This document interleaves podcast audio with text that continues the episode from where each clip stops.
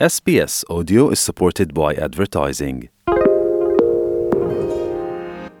သင်ဟာ SPS မြန်မာပိုင်းနဲ့အတူရှိနေတာဖြစ်ပါတယ်။သရရှင်များရှင် ဩစတြေးလျနိုင်ငံဆိုင်ရာတရုတ်အသံမှကဩစတြေးလျနိုင်ငံနဲ့တရုတ်ကြားမှာဆက်ဆံရေးကိုပုံမကောင်းမွန်လာဖို့မျှော်လင့်တယ်လို့ပြောဆိုထားပါတယ်။ဆစ်ဒနီမြို့မှာကျင်းပခဲ့တဲ့အခမ်းအနားတစ်ခုမှာတရုတ်တန်အမရှီအောင်ချန်ကလွန်ခဲ့တဲ့နှစ်တွေအတွင်းတရုတ်နဲ့ဩစတြေးလျကြားဆက်ဆံရေးတိတ်မကောင်းမွန်ခဲ့တာကိုအတိအမှပြုပြောဆိုခဲ့ပြီးတရုတ်အနေနဲ့ဩစတြေးလျနဲ့ရင်းနှီးတဲ့ပူးပေါင်းဆောင်ရွက်မှုထားရှိခြင်းတဲ့မူဝါဒကတော့မပြောင်းမလဲရှိနေတော့မယ်လို့ပြောသွားခဲ့တာပါ Looking into the future China Australia relations enjoy great potential for cooperation and bright prospects.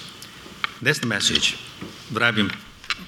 အနာဂတ်ကိုကြည့်လိုက်ရင်တရုတ်ဩစတြေးလျဆက်ဆံရေးမှာပုံမကောင်းမွန်တောက်ပတဲ့ပူးပေါင်းဆောင်ရွက်မှုရှိနိုင်တဲ့အနေအထားကိုမြင်တွေ့နေရပါတယ်။ဒီစကားကတော့တရုတ်နိုင်ငံကနေတည်ဆောင်လာတဲ့အမှားစကားဖြစ်တယ်လို့ပြောဆိုခဲ့ပါတယ် 2020ပြည့်နှစ်တုန်းကတရုတ်တန်ယုံကအမှုရန်တွေကနေသတင်းတောက်တွေကိုအချက်ဆက်လေးချက်ပါဝင်တဲ့စာရွက်စာတမ်းပေးခဲ့ပြီးတရုတ်နဲ့ဩစတြေးလျကြားအရင်လိုပုံမှန်ဆက်ဆံမှုမျိုးလိုချင်ရင်လိုက်နာရမယ့်အချက်တွေဖြစ်တယ်လို့ပြောဆိုကြတာကိုတရုတ်အတန်အမကညင်းဆိုထားပါတယ် I don't have a list I don't I haven't ever seen a list of 14 points That happened before I came here as ambassador. The concerns were being reported in a twisted way as the so-called preconditions. အဲ့ဒီစီရင်ကျွန်တော်မှမရှိပါဘူးအဲ့ဒီအချက်ဆက်လေးချက်ကိုလည်းမမြင်ဖူးပါဘူးအဲ့ဒါတွေကကျွန်တော်တန်အမှအဖြစ်ဒီကိုမလာခင်မှာဖြစ်ပွားခဲ့တာပါတရုတ်ရဲ့စိုးရင်မကင်းမှုတွေကိုတစ်ဖက်လက်နည်းနဲ့ထုတ်ပြန်လိုက်ကြတာဖြစ်ပြီးပုံမှန်ဆက်ဆံရေးလိုချင်ရင်လိုက်နာရမယ့်ကြိုးတင်သတ်မှတ်ချက်လိုတောင်းဆိုချက်လိုမျိုးဖြစ်အောင်လှုံ့ဆော်လိုက်ကြတာဖြစ်ပါတယ်အဲ့ဒါကအမှန်မဟုတ်ဘူးလို့လည်းပြောဆိုခဲ့ပါတယ် ဩစတြေးလျနဲ့တရုတ်ကြားတင်းမာမှုတွေဖြစ်ပေါ်ပြီးနှစ်နှစ်အကြာမှာအေးဆက်တဲ့ဆက်ဆံရေးမှာနှွေးထွေးတဲ့လက္ခဏာတွေပြသလာနေတော့တရုတ်ဘက်ကအဲ့ဒီလိုပြောဆိုခဲ့တာလည်းဖြစ်ပါတယ်။ Labor Party အစိုးရဖြစ်လာပြီးတဲ့နောက်ဩစတြေးလျရဲ့ကာကွယ်ရေးဝန်ကြီးအသစ် Richard Marles ဟာလွန်ခဲ့တဲ့သတင်းပတ်တွေတုန်းကစင်ကာပူနိုင်ငံကိုတွားရောက်ခဲ့တော့က တရုတ်ကာကွယ်ရေးဝန်ကြီးနဲ့တီးတန့်တွေ့ဆုံမှုတရားပြုလုပ်ခဲ့ပါတယ်။အဲ့ဒါအပြင် Labor Party ကရွေးကောက်ပွဲမှာအနိုင်ရရှိပြီးတဲ့နောက်တရုတ်နိုင်ငံမှာဒုတိယဩဇာအာဏာအရှိဆုံးဖြစ်တဲ့ဝန်ကြီးချုပ် Li Keqiang ကလည်း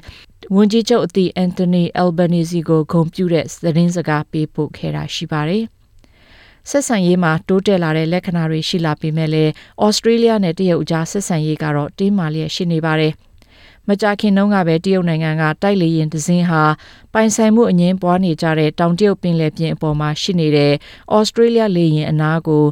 အလင်းရောင်အချက်ပြတဲ့ဂျီမီနဲ့တန်ဆတွေကိုလွတ်လိုက်တာမျိုးရှိခဲ့သလိုဩစတြေးလျရဲ့ထုတ်ကုန်တွေအပေါ်ချမှတ်တဲ့တရုတ်ရဲ့အခွန်ကိစ္စတွေမှာတော့တိုးတက်မှုတွေမရှိသေးပါဘူး။ဆက်ဆံရေးတိုးမြင့်ခြင်းရင်တရုတ်ဘက်ကဩစတြေးလျအပေါ်ချမှတ်ထားတဲ့ဒဏ်ခတ်ပိတ်ဆို့မှုတွေကိုဖယ်ရှားပေးမှရမယ်လို့လည်းမကြာခင်ကဝန်ကြီးချုပ် Albanese ကပြောပါတယ်။ Well, China already, uh, there have been some improvements, but there's a long way to go. It will be a problematic relationship. I said that before the election, regardless of. တရုတ်ဘက်ကတိုးတက်မှုတချို့လှုပ်လာတာတွေရှိပါတယ်။ဒါပေမဲ့အများကြီးလိုအပ်နေသေးပါ။ပြဿနာတွေများတဲ့ဆက်ဆံရေးအဖြစ်ဆက်လက်ရှိနေတော့မှာပဲ။ရွေးကောက်ပွဲမတိုင်ခင်ကတည်းက ကျွန်တော်ပြောပြီးသားပါရွေးကောက်ပွဲမှာဘာရလတ်ပဲထွက်ထွက်ဩစတြေးလျပေါ်ထားရှိတဲ့တရုတ်ရဲ့ဒဏ်ခတ်ပိတ်ဆို့မှုတွေကိုဖယ်ရှားသင့်ပါတယ်။အဲဒီလိုလုပ်ရဟာဩစတြေးလျတွေရဲ့စီးပွားရေးနဲ့အလုပ်အကင်ကိုပျက်စီးမှုဖြစ်စေတယ်လို့ပြောဆိုခဲ့ပါတယ်။ဒါပေမဲ့ Labor Party အစိုးရဖြစ်လာတဲ့နောက်ပိုင်းတရုတ်တန်အမစီကနေကြားရခဲ့တဲ့ဖိတ်ခေါ်မှုမျိုးကြားလာရသလိုနိုင်ငံအကြားတူညီတဲ့အချက်တွေကိုရှာဖွေပြီးပူးပေါင်းဆောင်ရွက်မှုတွေလုပ်လို့တဲ့လုပ်လို့တဲ့အကြောင်းစကားတွေထွက်ပေါ်လာပါတယ်။ ဒီလိုလှုပ်ဆောင်ချက်တွေကကောင်းမွန်ပေမဲ့တရုတ်နိုင်ငံမှာဩစတြေးလျနိုင်ငံသားချန်လိုင်နဲ့ယန်ဟင်ဂျွန်တို့ထိမ့်သိမ်းခံထားရတာကတော့ဆိုးဝါးနေတော့မယ်လို့ Australian Institute of International Affairs က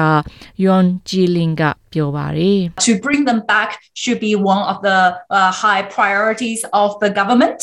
um how to do that I am not certain but Canada အဲ့ဒီလိုလူတွေဩစတြေးလျနိုင်ငံထဲပြန်ခေါ်လာဖို့ကအစိုးရအတွက်ဦးစားပေးလုပ်ရမယ့်အရာဖြစ်တင်ပါတယ်ဒါပေမဲ့ပြန်လာခွင့်ရအောင်ဘယ်လိုလုပ်ရမလဲဆိုတာကိုတော့သေချာမသိပါဘူးဒါပေမဲ့ကနေဒါနိုင်ငံကတော့သူတို့ရဲ့နိုင်ငံသားတွေကိုအောင်မြင်စွာပြန်ခေါ်ယူနိုင်ခဲ့ပြီလို့ပြောဆိုခဲ့ပါတယ်ဒီကိစ္စကိုမေးမြန်းတဲ့အခါမှာတရုတ်တန်အမကဒီကိစ္စနဲ့ဆက်ဆက်ပြီးနိုင်ငံကြားအကျိတ်နဲ့အပြန်အလှန်ဆက်သွယ်ကြတာတွေရှိတဲ့အကြောင်းဒါပေမဲ့တရုတ်နိုင်ငံရဲ့တရားရေးရာလှုံ့ဆော်ချက်ကိုလေးစားရမှာဖြစ်တဲ့အကြောင်းတုံ့ပြန်ခဲ့ပါတယ် တရုတ်တန်အမရောက်တဲ့အခမ်းအနားအပြင်ဘက်မှာတော့တရုတ်ဆိုရရဲ့လူအခွင့်အရေးချိုးဖောက်မှုတွေကိုရှုံချတဲ့အကြောင်းဆန္ဒပြမှုတွေလည်းဖြစ်ပေါ်ခဲ့တယ်လို့ရေးထားတဲ့ Lynn Evelyn ရဲ့ဆောင်းပါးကိုတင်ဆက်လိုက်ပါတယ်ရှင်။ဒါမျိုးသတင်းဆောင်မတွေကိုပိုနားဆင်လိုပါလား Apple Podcast Google Podcast Spotify တို့မှာသင်ပင်ရာဖြစ်ဖြစ်ရယူတဲ့ podcast ကနေပါ